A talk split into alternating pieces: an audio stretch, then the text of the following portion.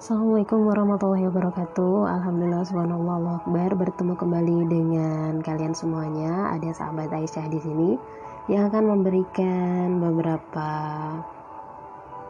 kalimat Atau kita akan ngobrol sebentar seputar hadis ya. Dan hari ini kita akan masih membahas tentang kitab Sahih Bukhari.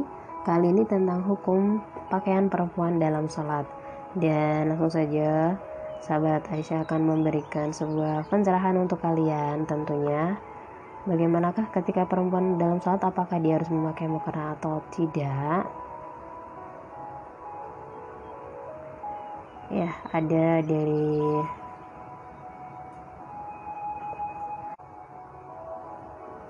ada dari hadis Bukhari ya dari Kirimah berkata apabila perempuan dapat menutup seluruh tubuhnya dengan selembar pakaian itu sudah cukup.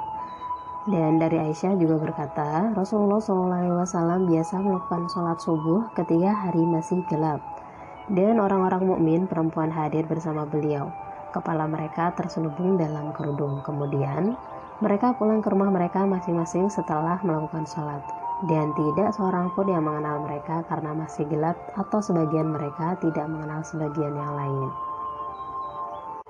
Nah, dari hadis ini kita bisa paham bahwa seorang perempuan itu tidak harus mengenakan mukena ketika sholat. Iya, jadi yang penting kalian sudah memakai gamis yang tidak membentuk lekuk tubuh, kemudian memakai kerudung dan juga memakai kaos kaki, maka sholat kalian sudah sah. Seperti itu ya, Alhamdulillah.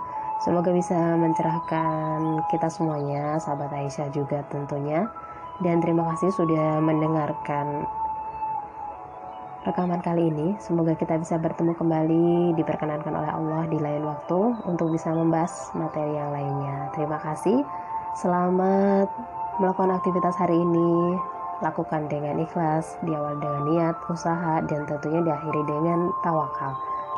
Alhamdulillahirrahmanirrahim. Kita tutup, kita tutup dengan hamdalah alhamdulillahirrahmanirrahim astagfirullahaladzim subhanakallahumma bihamdika asyhadu la ilaha illa anta Ma'asalamah. Wassalamualaikum warahmatullahi wabarakatuh.